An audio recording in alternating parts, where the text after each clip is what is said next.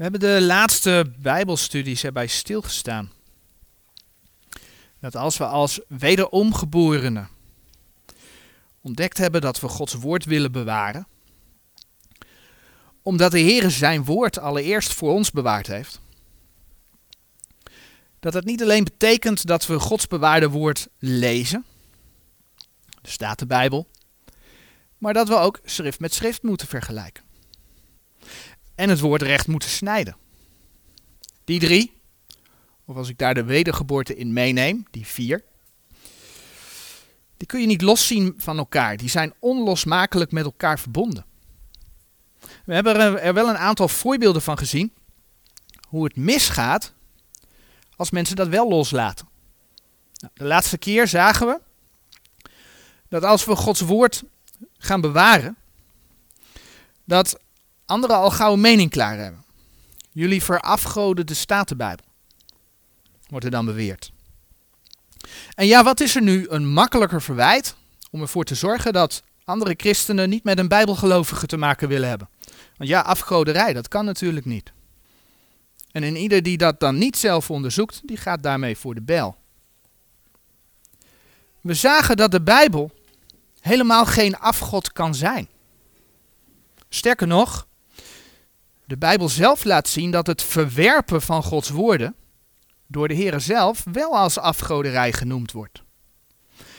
En dat werpt dan een heel ander licht op de schriftkritiek. Je ziet dat de vijand van God de waarheid omdraait. En daarmee als het ware mensen zand in de ogen strooit. Want de vijand die wil niet, staat er in 2 Korinthe 4 vers 4, dat de ongelovigen bestraald worden met de verlichting van het evangelie der heerlijkheid van Christus. En wat is er nu mooier in zijn ogen dan dat gelovigen geen vastigheid meer hebben in Gods woorden? Dat gelovigen hun eigen autoriteit gaan worden. Dat ze zelf gaan bepalen wat er geschreven staat. De vorige keer liet ik zien dat elke groepering tegenwoordig zo'n beetje bezig is om zijn eigen Bijbelvertaling te maken. Met als gevolg dat mensen geen vaste grond meer hebben in Gods woord. En daardoor ook geen zekerheid meer hebben in het geloof. Dat, dat zie je vaak ook hand in hand gaan. Kortom, er is gewoon een strijd gaande. Er is een geestelijke strijd gaande. En ja, wanneer je die boodschap brengt, dan maakt je dat ook niet geliefd. En langzamerhand kom je dan achter dat je ook in een klein clubje van mensen terechtkomt die ook het verlangen hebben om Gods woord te bewaren. Maar is dat erg dat dat een klein clubje is? Nee. Kijk maar in Gods woord. De profeten des Heren staan over het algemeen alleen. Laten we naar een voorbeeld kijken. En dat voorbeeld is de geschiedenis van koning Agab en koning Jozefat. En dat vinden we in 2 Kronieken 18. 2 Kronieken 18. Koning Agab is koning van Israël. En die wil samen met de koning van Juda, koning Jozefat, de strijd aangaan te Ramot in Gilead. Maar koning Jozefat die wil eerst de heren raadplegen. Dat kun je lezen in 2 Kronieken 18 vers 4.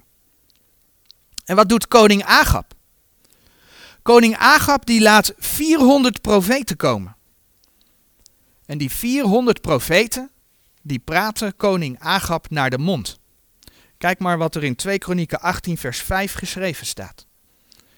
Toen vergaderde de koning van Israël de profeten, 400 mannen, en hij zeide tot hen, zullen wij tegen Ramot in Gilead ten strijde trekken? Of zal ik het nalaten? En zij zeiden, trek op, want God zal hen in de hand des konings geven. Dat ze de koning naar de mond praten, dat kun je ook zien in vers 10 en vers 11.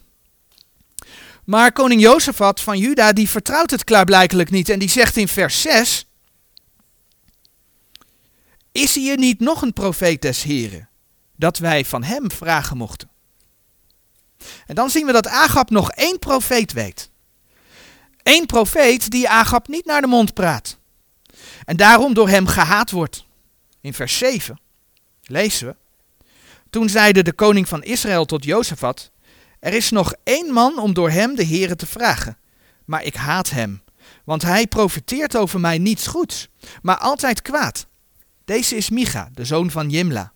En Jozefat zeide, de koning zegge niet alzo. En wanneer deze Micha gehaald wordt, dan wordt hem alvast ingefluisterd. Dat hij vooral de koning naar de mond moet praten. Kijk maar in vers 12. De bode nu die heen gegaan was om Micha te roepen, sprak tot hem zeggende, zie de woorden der profeten zijn uit één mond goed tot de koning. Dat nu toch uw woord zij gelijk als van één uit hen, en spreek het goede. Maar deze Micha, die laat zich niet onder druk zetten en zegt in vers 13, zo waarachtig als de Heere leeft, hetgeen dat mijn God zeggen zal, dat zal ik spreken. En dan komt het mooie. In eerste instantie zien we dat Micha de koning toch naar de mond spreekt. Kijk maar in vers 14. Maar als de koning dan doorvraagt, in vers 15, en Micha hem vervolgens de waarheid zegt, die inderdaad tegen het advies van al die andere profeten ingaat, en zelfs de dood van de koning van Israël voorzegt, in vers 17, in vers 16, dan zegt de koning in vers 17, heb ik tot u niet gezegd? Hij zal over mij niets goeds, maar kwaad profiteren. En dan laat Micha in de vervolgversen zien dat de Heere Agab ten val wil brengen. En de Heere God gebruikt daar, notabene, een leugengeest voor. Een leugengeest in de mond van 400 profeten. Die Agab overhalen om toch te gaan strijden, zodat het zijn dood wordt. Je kunt dat onder andere in vers 20 en 21 lezen. In plaats daarvan dat Agab zich bekeert op het horen van de woorden Gods door de profeet Micha, zien we dat Agab Micha gevangen neemt. Hij zet Micha gevangen en de koning die gaat zijn laatste strijd gewoon aan. Dat lees je in de, ja, in de vervolgversen. En dan zie je, vers 25 en 26, dat Agab sterft in vers 34. En je ziet dat Jozefat, die de Heeren wilde raadplegen, gespaard wordt. Dat lees je in vers 31 en 32. En in uh, 2 Kronieken 19, vers 1. Maar wat we hier zien, is dat het 1 tegen 400 is. En wie geloof je dan als mens? 1 tegen 400, hè? 400 zeggen, ja doen, doen. God is met je. Je gaat de strijd winnen. In de naam van de Heer, hè? Wat doe je dan? En eigenlijk, eigenlijk wist Agab het. Want hij vroeg niet voor niets door. Bij, bij Micha. Toen Micha hem eerst naar de mond praatte. Maar ja, Agab was een goddeloze koning. Hij haatte de waarheid. En hij deed wat hij zelf wilde. En het werd Agabs dood. Maar zoals het daarbij Agab misging, zo zien we het ook vandaag de dag misgaan. En de situatie is ook gelijk. Als bijbelgelovigen staan we als een eenling. We zijn niet een eenling, maar we staan als het ware als een eenling tegenover een overmacht van bijbeluitleggers en aanhangers van bijbeluitleggers. Die op de een of andere manier de schriftkritiek aanhangen. Of op de een of andere manier beïnvloed zijn door die schriftkritiek. Men heeft het bewaarde woord van God verworpen noemt mensen die Gods woord bewaren afgodendienaars en creëert een eigen autoriteit. En in feite plaatst men zichzelf daarmee op de stoel van God. Want men weet toch zo goed wat er staan moet, met alle onvastheid en onzekerheid die dat met zich meebrengt. Men wil steeds weer iets nieuws zeggen. En langzamerhand zie je dat die bijbelse boodschap, dat Gods woorden steeds minder te vinden zijn. Ook onder hen die beweren christen te zijn, zelfs onder hen die beweren bijbelgetrouw christen te zijn. Kijk hoe Zedekia Micha behandelt. En wat hij zegt in 2 Kronieken 18 vers 23. Vers 23. Toen trad Zedekia, de zoon van Kenaana, toe en sloeg Micha op de kinnebak. En hij zeide, door wat weg is de geest des Heren van mij doorgegaan om u aan te spreken? Dat zegt hij tegen Micha. Zedekia doet zich voor alsof hij de geest van God draagt. Zedekia is een van die valse profeten die tegen de koning zei, ga, ga strijden, want God is met u. Hij zegt dat namens, tenminste dat zegt hij, namens de geest des Heren. En dan zegt hij dit tegen Micha. En het enige wat Micha kan zeggen is in vers 24, zie, gij zult het zien. Gods woorden zijn de waarheid. En die 400 profeten kregen geen gelijk, Micha wel. En in Agabs geval was dat dezelfde dag. Ja, vandaag de dag gaat het meestal niet zo snel. Maar de Heer geeft nog steeds tijd voor mensen om tot bekering te komen. 2 Petrus 3, vers 9.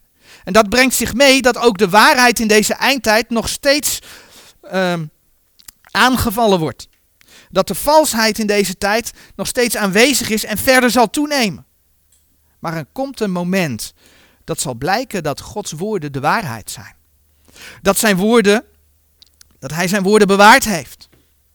Dat zijn woorden volledig in vervulling gaan. En eigenlijk zijn alle eindtijdsignalen, hè, inclusief de afval van het geloof, door onder andere de schriftkritiek en al die nieuwe vertalingen en de manier waarop mensen tegenwoordig met Gods woord omgaan, hè, het niet bewaren, dat is nu al een bewijs dat Gods woord opnieuw in vervulling gaat. God heeft zichzelf bewezen en bewijst zich door zijn woorden. Ook in het oordeel zal hij zijn woorden bewijzen. Romeinen 3, vers 4 zegt: Doch God zij waarachtig, maar alle mens leugenachtig. Gelijk als geschreven is, opdat gij gerechtvaardigd wordt in uw woorden. Daar heb je die woorden van God weer. Opdat gij gerechtvaardigd wordt in uw woorden en overwint wanneer gij oordeelt. Maar het is dat woord. Het zijn die woorden die men vandaag de dag met de voeten treedt. En dan is het de vraag: waar zoeken wij onze bijbelse antwoorden? En dat is de waarschuwing die ik graag wil meegeven. Vanuit Gods woord. En laten we dan maar nagenoeg een eenling zijn ten opzichte van velen die de andere kant op gaan. Dan maar een klein groepje hier in het gebouw. Maar wat een genade dat wij dat woord van God mogen hebben. Dat we mogen zeggen, God heeft zijn woord bewaard en ik kan het ook gewoon in mijn handen houden en ik kan eruit lezen. Dat we vanuit, daarvanuit mogen prediken, dat we vanuit die vastheid mogen getuigen. En de vorige keer citeerde ik daar Paulus bij. Paulus die werd uitgemaakt voor een pest. Hij was een ziekte, werd hem gewoon gezegd. Hij was lid te zijn van een secte, werd hem gezegd. Handelingen 24 vers 5.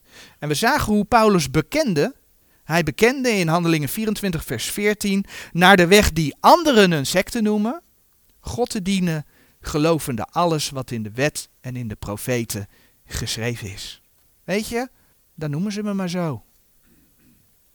Een mooi voorbeeld wat daarbij past, en dan bladeren we naar Ezekiel, is wat de Heer tegen de profeet Ezekiel zegt. En ja, ik weet het, het betreft de persoonlijke roeping van Ezekiel. Maar dat neemt niet weg dat wij daarvan mogen leren. Ezekiel 2 in Ezekiel 2. Daar lezen we in vers 3. Ezekiel 2, vers 3. En hij zeide tot mij, mensenkind, ik zend u tot de kinderen Israëls, tot de rebellerende volken die tegen mij gerebelleerd hebben. Zij en hun vaderen hebben overtreden tegen mij tot op dezezelfde huidige dag. En vers 4 nog, en deze kinderen zijn hard van aangezicht en stijf van hart. Ik zend u tot hen, en gij zult tot hen zeggen, zo zegt de Heere, Heere. Ondanks dat Israël en de volken niet luisteren willen, vraagt de Heere Ezekiel zijn woorden te laten horen. Dus niet zoeken naar een eigen vertolking ervan, maar simpelweg Gods woorden laten horen. In Ezekiel 2, vers 6 en 7 gaat het verder. En gij mensenkind, vrees niet voor hen en vrees niet voor hun woorden.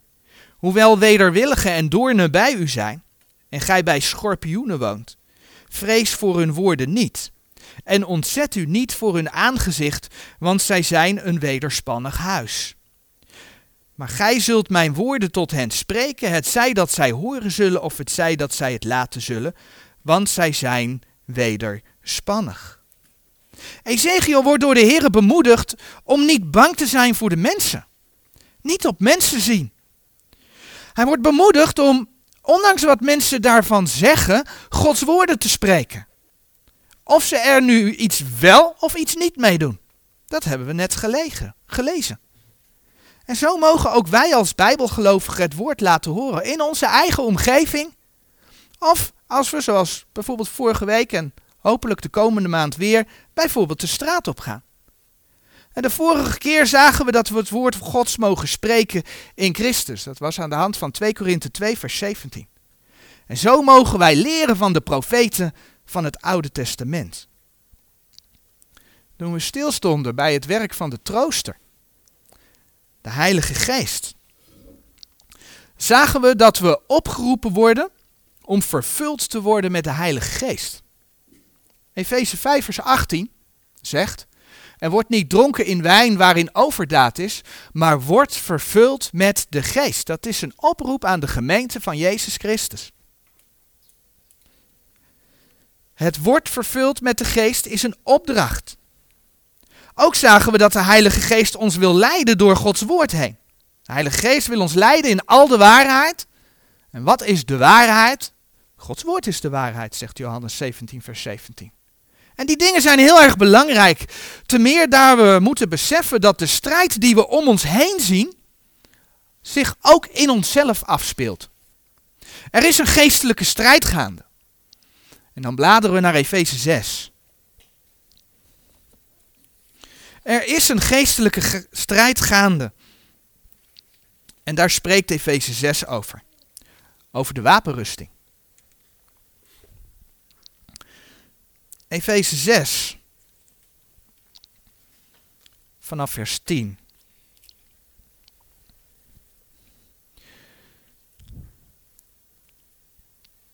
Efeze 6 vanaf vers 10. Voorts, mijn broeders, wordt krachtig in de Here en in de sterkte zijner macht. Doet aan de gehele wapenrusting Gods, opdat gij kunt staan tegen de listige omleidingen des duivels. Want wij hebben de strijd niet tegen vlees en bloed, maar tegen de overheden, tegen de machten, tegen de geweldhebbers der wereld, der duisternis deze eeuw, tegen de geestelijke boosheden in de lucht. De geestelijke boosheden in de lucht proberen ons als gelovigen blijkbaar te pakken. En wij hebben de gehele wapenrusting nodig. Die versen zeggen niet voor niks dat we de gehele wapenrusting nodig hebben om staande te blijven. Efeze 6, vers 13 zegt dan nog: Daarom neemt aan de gehele wapenrusting, daar heb je hem weer, de gehele wapenrusting Gods, opdat gij kunt wederstaan in de boze dag en alles verricht hebbende staande blijven. Zo worden er bijvoorbeeld vurige pijlen van de boze op ons afgeschoten. Kijk maar in vers 16. Toen we stilstonden bij het onderwerp geest, ziel en lichaam, binnen het onderwerp wat maakt mij nu een bijbelgelovige, toen hebben we deze figuur besproken. Een figuur over ziel, geest en lichaam. Een figuur die laat zien waarom de mens in het Oude Testament, maar ook de niet wederom geboren mens, gedoemd is vanuit het vlees te leven. Zijn ziel en vlees zijn met elkaar verbonden. We hadden het toen over de poorten van ons vlees. Al die poorten die er zijn. De poorten van ons vlees. En we zagen hoe traditionele plaatjes, hoe traditionele leren laten zien dat die poorten doorlopen tot in de ziel. Ook zagen we dat dat niet klopt omdat de Heer laat zien dat de zonde bij de wederom geboren gelovigen geen effect meer hebben op de ziel. Al vergaan al je werken die je doet voor de rechterstoel van Christus, dan ben je zelf behouden. 1 Korinthe 3 vers 15. En hoe mooi is dat dan dat Gods woord spreekt over de geestelijke besnijdenis. Colossense 2 vers 10 en 11. En dat die geestelijke besnijdenis laat zien dat je geestelijk gezien dat pakje vlees uittrekt. De ziel en het vlees worden losgesneden van elkaar. Colossense 2, vers 10 en 11. Maar ook laat Gods woord zien dat er scheiding gemaakt wordt door het woord, en dat staat dan in Hebreeën 4, vers 12,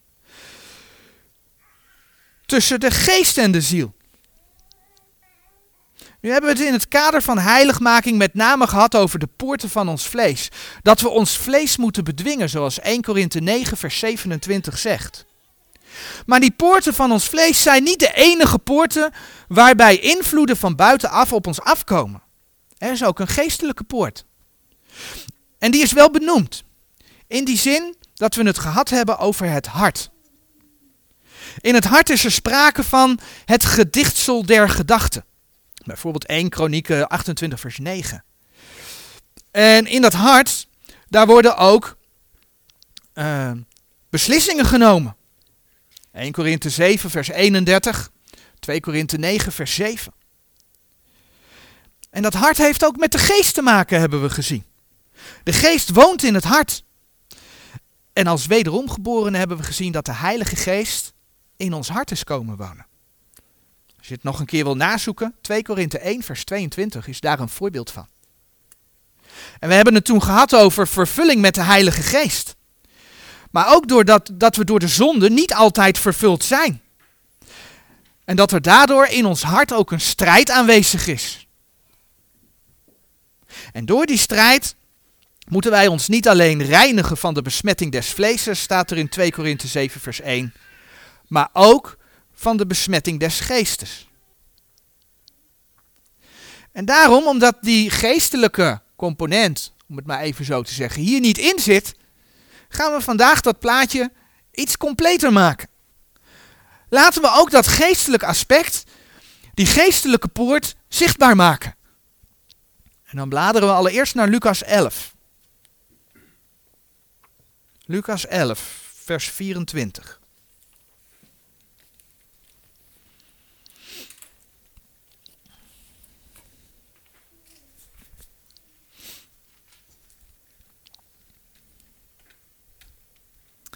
In Lucas 11, vers 24, vanaf vers 24 gaan we lezen. En dan lezen we het volgende. Wanneer de onreine geest van de mens uitgevaren is, zo gaat hij door dorre plaatsen, zoekende rust. En die niet vindende zegt hij, ik zal wederkeren in mijn huis, waar ik uitgevaren ben. En komende vindt hij het met bezemen gekeerd en versierd. Dan gaat hij heen en neemt met zich zeven andere geesten, bozer dan hij zelf is. En ingegaan zijnde wonen zij al daar, en het laatste van die mens wordt erger dan het eerste. Allereerst is het goed om te constateren dat het hier in principe niet over een wederomgeborene gaat. Wat we zien is dat de mens zijn leven kan beteren, misschien wel religieus hè, door de geboden van Mozes te horen. Of door in aanraking te komen met gedeeltes uit Gods woord. En dat iemand dan zijn leven gaat beteren. Maar als dat niet gepaard gaat met de wedergeboorte, de overtuiging dat de Heer Jezus voor zijn zonde gestorven is, dan is er dus geen sprake van wedergeboorte. Dan komt de onreine geest terug. En dan laat het Bijbelgedeelte zien dat er andere onreine geesten meekomen die zelfs nog erger kunnen zijn. En dat het daarna dus erger wordt dan dat het was. Maar we lezen in dat gedeelte dat die onreine geest spreekt over mijn huis. Hij wil terugkeren naar zijn huis. Net zoals het lichaam van de wederom geboren gelovige, dat kun je lezen in 1 Korinthe 3 vers 16 en 6 vers 19, een Gods tempel is. Of een tempel des heilige geestes genoemd wordt. Het lichaam van een ongelovige fungeert dus als woning voor de duivel en zijn duivelen. En op zich is dat niet raar. Want we zagen al dat de vijand van God de vader van de ongelovige is. Johannes 8, vers 44 en Efeze 2, vers 3. De ongelovige staat onder zijn macht, maar dan de wederom geboren gelovige. Wij zijn weliswaar Gods tempel, omdat Gods geest in ons woont. Maar door onze zonde kunnen wij de Heilige Geest wel bedroeven, zegt Efeze 4, vers 30. En wij kunnen de Heilige Geest zelfs uitblussen. In 1 Thessalonicense 5, vers 19, een heel kort vers, daar staat: blust de geest niet uit. Dat verbreekt de verzegeling niet. Want die hebben wij als onderpand gekregen van de verlossing. Efeze 1, vers 13 en 14. Dat is de wedergeboorte. En toch kunnen wij als wederomgeborenen de geest uitblussen. Die waarschuwing krijgen we niet voor niks. Dat betekent dus dat de gelovige ook niet vervuld kan zijn met de Heilige Geest. En in principe ben je als gelovige dan dus leeg. En dan moet je oppassen. Want in Efeze 4, vers 27 staat bijvoorbeeld geschreven: En geeft de duivel geen plaats. Als gelovigen kunnen we blijkbaar plaats geven aan de duivel. Maar dan kun je je, vraagt, je afvragen: hoe dan plaats geven? Bij ons aan tafel? Of is het soms een plaatsje in mij? Kan een gelovige de duivel een plaatsje in zichzelf geven? Nou, de, de Bijbel laat zien dat dat laatste waar is. Laten we als voorbeeld naar de geschiedenis van Ananias en Safira in Handelingen 5 gaan.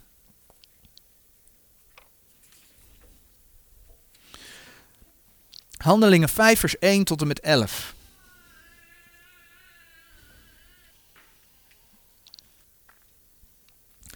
Handelingen 5, vanaf vers 1.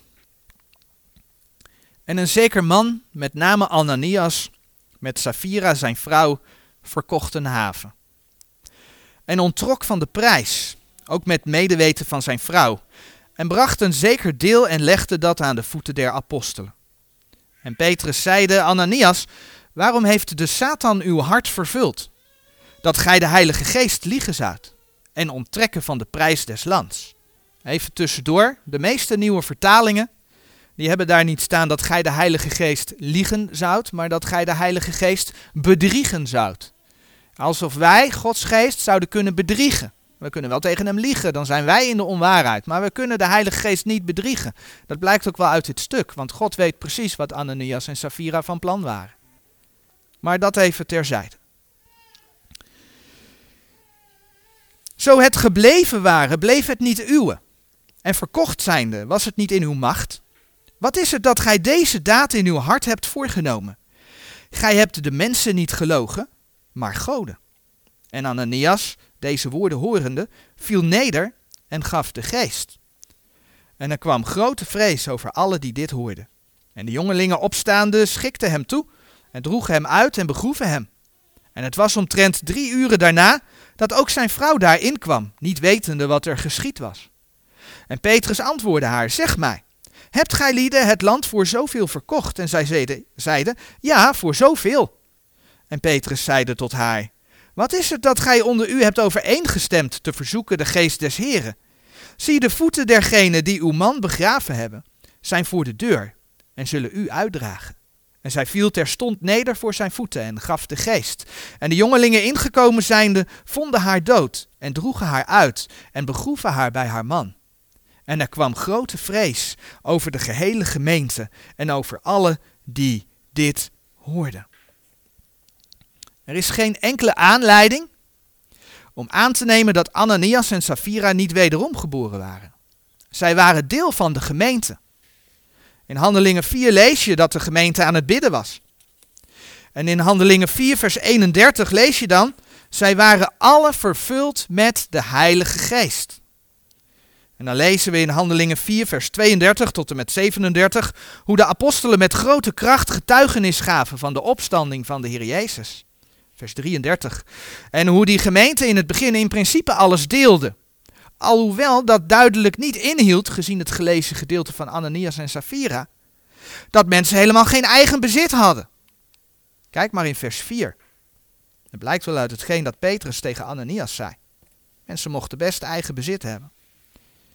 Zelfs als ze het verkocht hadden en er geld voor gekregen hadden, dan was het aan Ananias en Safira geweest wat ze ermee zouden doen. Dat mochten ze helemaal zelf weten. Maar Ananias en Safira waren klaarblijkelijk van tevoren eh, een plannetje aan het maken geweest. Dat blijkt wel uit de versen 4 en vers 9. Want ze zouden iets verkopen, ze zouden van de prijs achterhouden en dan net doen alsof ze alles gaven. Dat staat er zo niet letterlijk, maar dat is wel wat uit de context blijkt, zonder dat we daarvoor de Bijbeltekst gaan aanpassen. Ananias en Safira waren geestelijke huigelaars. Kijk, ons eens goed zijn voor de Heer en voor de gemeente, want we verkopen dit en we geven alles. maar ze hielden wel wat achter, want ze gaven helemaal niet alles. Waren ze verloren? Dat staat niet in de Bijbel. Wat er wel staat, is dat ze dood neervielen. En gelukkig, gelukkig handelt de Heere God niet altijd zo. Maar zelfs nu blijkt uit de brieven van Paulus, kan de Heere mensen thuis halen. Als zij naar het vlees leven of zich door de duivel laten leiden. En in Romeinen 8, vers 13 staat geschreven: Want indien gij naar het vlees leeft, zo zult gij sterven. Maar indien gij door de geest de werkingen des lichaams doodt, zo zult gij leven. Dat staat wel geschreven. En dat is wat Ananias en Safira deden. Zij hadden de vervulling van de Heilige Geest als het ware ingeruild voor een vervulling van de duivel. In Handelingen 5, vers 3, daar lezen we nogmaals. En Petrus zeide, Ananias, waarom heeft de Satan uw hart vervuld? Daar staat het. En ja, die vervulling met de duivel die begint niet met het uitvoeren van het plan. Maar die begint al met het beramen van het plan. Daar waar wij in onze gedachten plannen maken om te zondigen. He, vaak gedreven door begeerlijkheid. Daar is de zonde al ontstaan. En dan lezen we in Handelingen 5, vers 4. Wat is het dat gij deze daad in uw hart hebt voorgenomen? Of zoals Jacobus 1, vers 15 zegt, en die tekst verschijnt hier op de dia. Daarna de begeerlijkheid ontvangen hebben de baart zonde en de zonde voleindigd zijn de baart de dood. Maar de ernst van de zaak zit er natuurlijk in dat wij als gelovigen, ondanks dat wij Gods geest in onze harten ontvangen hebben, door de geest uit te blussen, blijkbaar ruimte kunnen maken voor de duivel en zijn onreine geesten. Ja, en dan gaan wij mensen verkeerde keuze maken.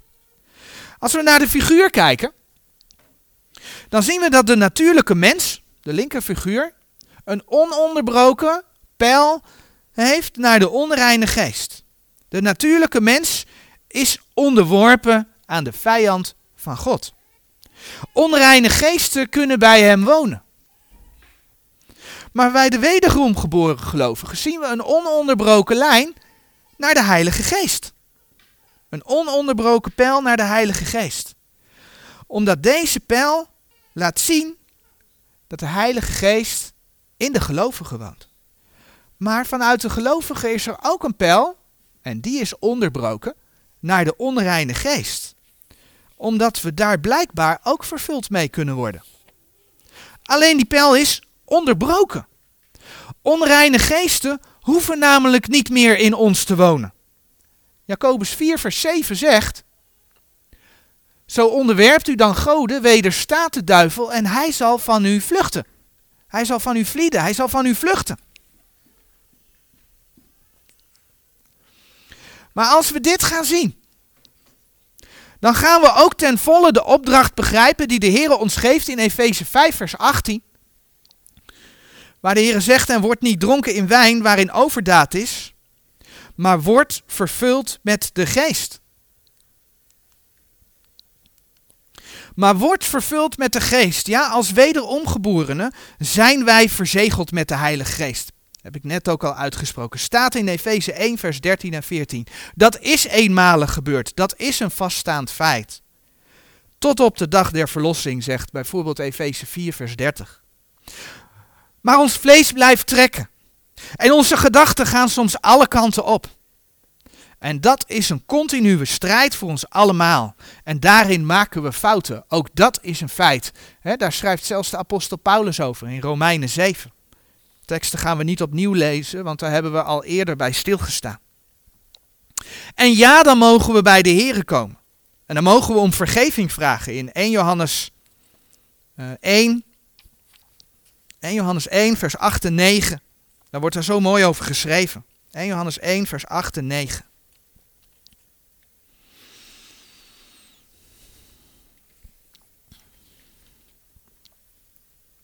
...1 Johannes 1 vers 8. Indien wij zeggen dat wij geen zonde hebben... ...zo verleiden wij onszelf en de waarheid is in ons niet. Indien wij onze zonde beleiden, hij is getrouw en rechtvaardig dat hij ons de zonde vergeven en ons reinigen van alle ongerechtigheid. Maar wat mooi is het dan dat de Heer ook laat zien dat wij om de Heilige Geest mogen bidden. Bijvoorbeeld in Lucas 11, vers 13. Daar staat: Indien dan gij die boosheid weet uw kinderen goede gaven te geven. Hoeveel te meer zal de Hemelse Vader de Heilige Geest geven, degene die hem bidden. En nee, voor ons als gemeente niet om opnieuw verzegeld te worden met de geest of zoiets. Maar wel omdat we hem bedroefd hebben. Een bewuste vraag of de Heer ons opnieuw wil vervullen met zijn geest. Dat we vol worden van hem. Dan bladeren we naar Efeze. In Efeze 3, vers 14 tot 16 zien we hoe Paulus bidt. Hoe hij de Vader vraagt om versterkt te worden door de geest. Efeze 3, vers 14.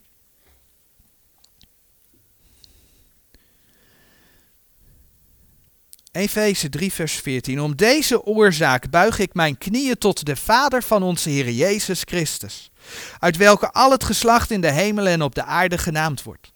Opdat Hij u geven naar de rijkdom zijner heerlijkheid met kracht versterkt te worden door Zijn geest in de inwendige mens. Opdat Christus door het geloof in uw harten wonen en gij in de liefde geworteld en gegrond zijt. Wij mogen de Vader vragen om ons door zijn geest in onze inwendige mens, in ons hart, te versterken. Zodat de Heer in ons woont en wij in hem, en daar komt hij, geworteld en gegrond zijn. Of we vast mogen staan. Mooi hè? En vanuit daaruit mogen wij de Heer vragen of hij ons door zijn geest wil helpen om de juiste keuze in ons leven te maken. En daardoor te kunnen wandelen naar de geest. Als wij een paar bladzijden terugbladeren naar Galaten, Galaten 5, vers 24. Dan lezen we.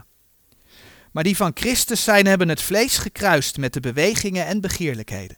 Indien wij door de geest leven, zo laat ons ook door de geest wandelen. Een tekst die daar ook over gaat, en ja, die hebben we in een eerdere Bijbelstudie gelezen, is 2 Korinthe 10. We gaan hem weer lezen. Het is in het kader van dit onderwerp gewoon een heel belangrijk vers. 2 Korinthe 10 vanaf vers 2.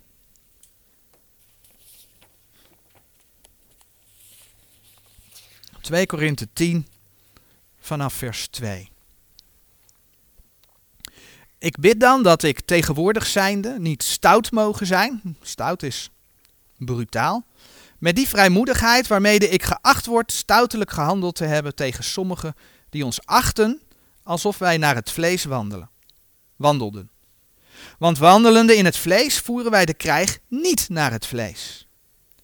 Want wapenen van onze krijg zijn niet vleeselijk, maar krachtig door God tot nederwerping der sterkte.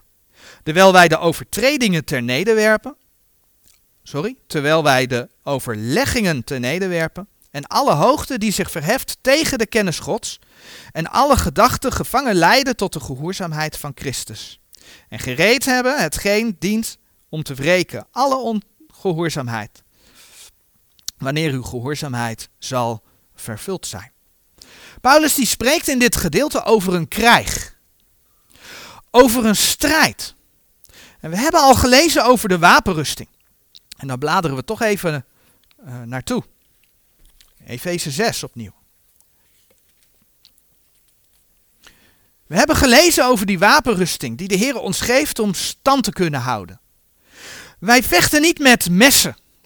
We vechten niet met geweren, met raketten of andere wapensystemen.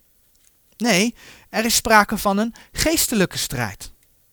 Waarvoor wij bijvoorbeeld het geloof als schild hebben gekregen. Vers 16 bijvoorbeeld van Efeze 6. Maar ook de helm der zaligheid in vers 17. Of het borstwapen der gerechtigheid in vers 14. Dat borstwapen der gerechtigheid beschermt ons wanneer wij beseffen dat we in de Heer Jezus Christus Gods rechtvaardigheid dragen. 2 Korinthe 5 vers 21. Als je daaraan vasthoudt, dan kan niemand je dat afnemen. Want ja, ik ben niet rechtvaardig, maar hij wel. En ik mag zijn rechtvaardigheid dragen. Dat is de zekerheid die we hebben. Dat is ons borstwapen. Dan ben je verzekerd. Dat helpt je om staande te blijven, wat mensen ook beweren. Maar zo moeten wij ons omgorden met de waarheid. Vers 14. En ja, een beetje eentonig misschien, maar wat is de waarheid? Gods woord is de waarheid. Johannes 17, vers 17.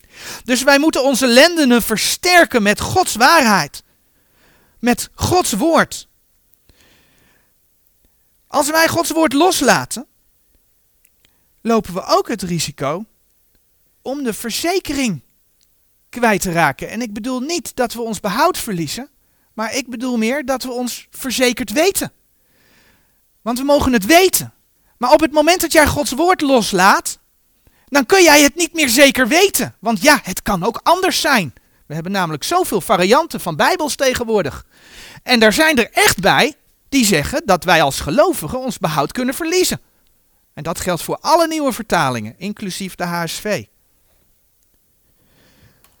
Dus hoe kunnen wij dat borstwapen van de gerechtigheid aanhouden? Door ons te omgorden met de waarheid van Gods woord en dat vast te houden. Maar dat woord, dat komt ook terug als het aanvalswapen. In Efeze 6, vers 17 wordt Gods woord het zwaard des geestes genoemd. En wanneer de Heer Jezus in de woestijn is om verzocht te worden, dan komt de duivel, je leest dat bijvoorbeeld in Matthäus 4, en die duivel die gaat bijbelversen citeren.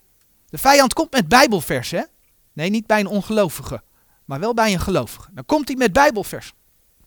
En de Heer Jezus die antwoordt hem met Gods woord. Er is geschreven.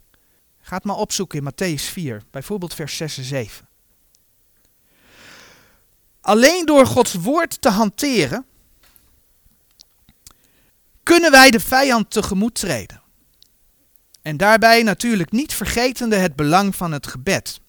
In Efeze 6, vers 18. Met alle bidding en smeking biddende te alle tijd in de geest. En tot hetzelfde wakende met alle gedurigheid en smeking voor al de heiligen. Met deze wapens kunnen we, zoals 2 Korinthe 10 vers 5 zegt, de sterkten ter nederwerpen. En dan spreekt 2 Korinthe 10 vers 5 over sterkten als overleggingen. De King James die spreekt over imaginations. Wij moeten iets in ons hebben dat bevrijdt van onreine overleggingen. In Johannes 15 vers 3. Dat zegt de Heer Jezus, gij lieden zijt nu rein om het woord dat ik tot u gesproken heb. En in Psalm 119, vers 9, daar lezen we: Waarmede zal de jongeling zijn pad zuiver houden? Als hij dat houdt naar uw woord. Dus als we bidden om vervulling met Gods geest, of hij ons wil leiden in ons hele leven, als we zijn woord lezen, dan zal hij onze gedachten vormen en ons helpen om ons pad zuiver te houden. Dan is er nog zo'n sterkte die we ten neder moeten werpen. Hè? 2 Korinthe 10 vers 5. Namelijk alle hoogte die zich verheft tegen de kennis Gods. Dus alles in deze wereld wat gemaakt is om ons af te houden van de Heere God beter te leren kennen, kunnen we bevechten, denk aan de wapenrusting, door het woord en door het gebed. En dan noemt 2 Korinthe 10 vers 5 nog dat wij alle gedachten gevangen leiden tot de gehoorzaamheid van Christus. Probeer je gedachten bij de Heer Jezus te brengen en te laten. En als ik uit eigen ervaring spreek, dan is dat heel makkelijk gezegd en heel moeilijk gedaan. Maar het is wel het advies wat we van de Heer krijgen. Dat, we, dat Hij zegt dat we alle gedachten gevangen moeten leiden tot de gehoorzaamheid van Christus. De Bijbel spreekt over gehoorzaamheid. Hoe kunnen wij gehoorzaam zijn? Door Gods woord tot ons te nemen. Vanmorgen hebben we al even stilgestaan bij Ezekiel en we bladeren terug naar Ezekiel.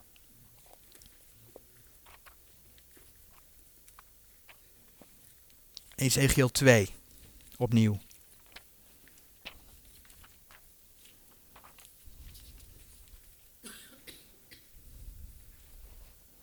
Ezekiel moest Gods woorden spreken. Maar let op wat er dan gebeurt.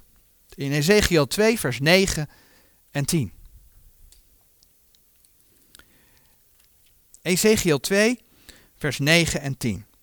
Toen zag ik en zie, er was een hand tot mij uitgestoken en zie, daarin was de rol eens boeks. En hij spreidde die voor mijn aangezicht uit En zij was beschreven voor en achter. En daarin waren geschreven klaagliederen en zuchting en wee. En dan krijgt Ezekiel de opdracht om die rol op te eten. In Ezekiel 3, vers 3, daar lezen we. En hij zeide tot mij, mensenkind, geef uw buik te eten en vul uw ingewand met deze rol die ik u geef. Toen at ik, en het was in mijn mond als honing vanwege de zoetigheid. En vervolgens krijgt hij in Ezekiel 3, vers 4 de opdracht om Gods woorden te spreken. En hij zeide tot mij, mensenkind, ga heen, kom tot het huis Israëls en spreek tot hen met mijn woorden. En in Ezekiel 3, vers 10 lezen we dan nog. Verder zeide hij tot mij, mensenkind, vat al mijn woorden die ik tot u spreken zal in uw hart en hoor ze met uw oren. Ik vind dat zo'n mooi beeld. Nu moeten wij natuurlijk niet letterlijk de Bijbel in onze mond gaan stoppen. Maar de vraag is wel, nemen wij Gods woorden tot ons? Luisteren wij ernaar met onze oren? Lezen wij het met onze ogen? Slaan wij het op in ons hart? In ons binnenste? Eten wij als het ware het woord van God? Want dat vult ons met de dingen van Hem. Dat helpt ons onze gedachten te leiden tot de gehoorzaamheid van Jezus Christus. En als we dan zien hoe fundamenteel in dit alles het woord van God is, de woorden Gods zijn, dan beseffen we waarom de vijand van het begin af aan de aanval op Gods woorden geopend heeft. Want zonder Gods woorden hebben wij geen dichte wapenrusting. Dan ontbreekt de gordel. Maar als de gordel ontbreekt, dan gaat ook dat borstwapen, die zekerheid, gaat ook afbrokkelen. Het zwaard mist dan ook. Dus zonder Gods woorden kunnen wij niet staande blijven. Zonder Gods woorden kunnen wij onze gedachten niet leiden tot de gehoorzaamheid van de Heer Jezus. Zonder Gods woorden kunnen we de aanval van de boze niet afslaan.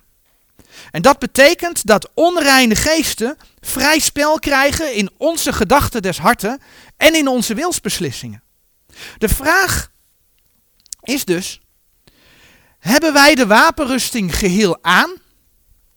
Of staan wij in onze geestelijke onderbroek met alle gevolgen van dien? En dat maakt mij dus een bijbelgelovige. Gelovige. Gelovende alles wat de Heere in zijn woord zegt. En daarmee wil ik deze serie voor nu in ieder geval afsluiten. Amen.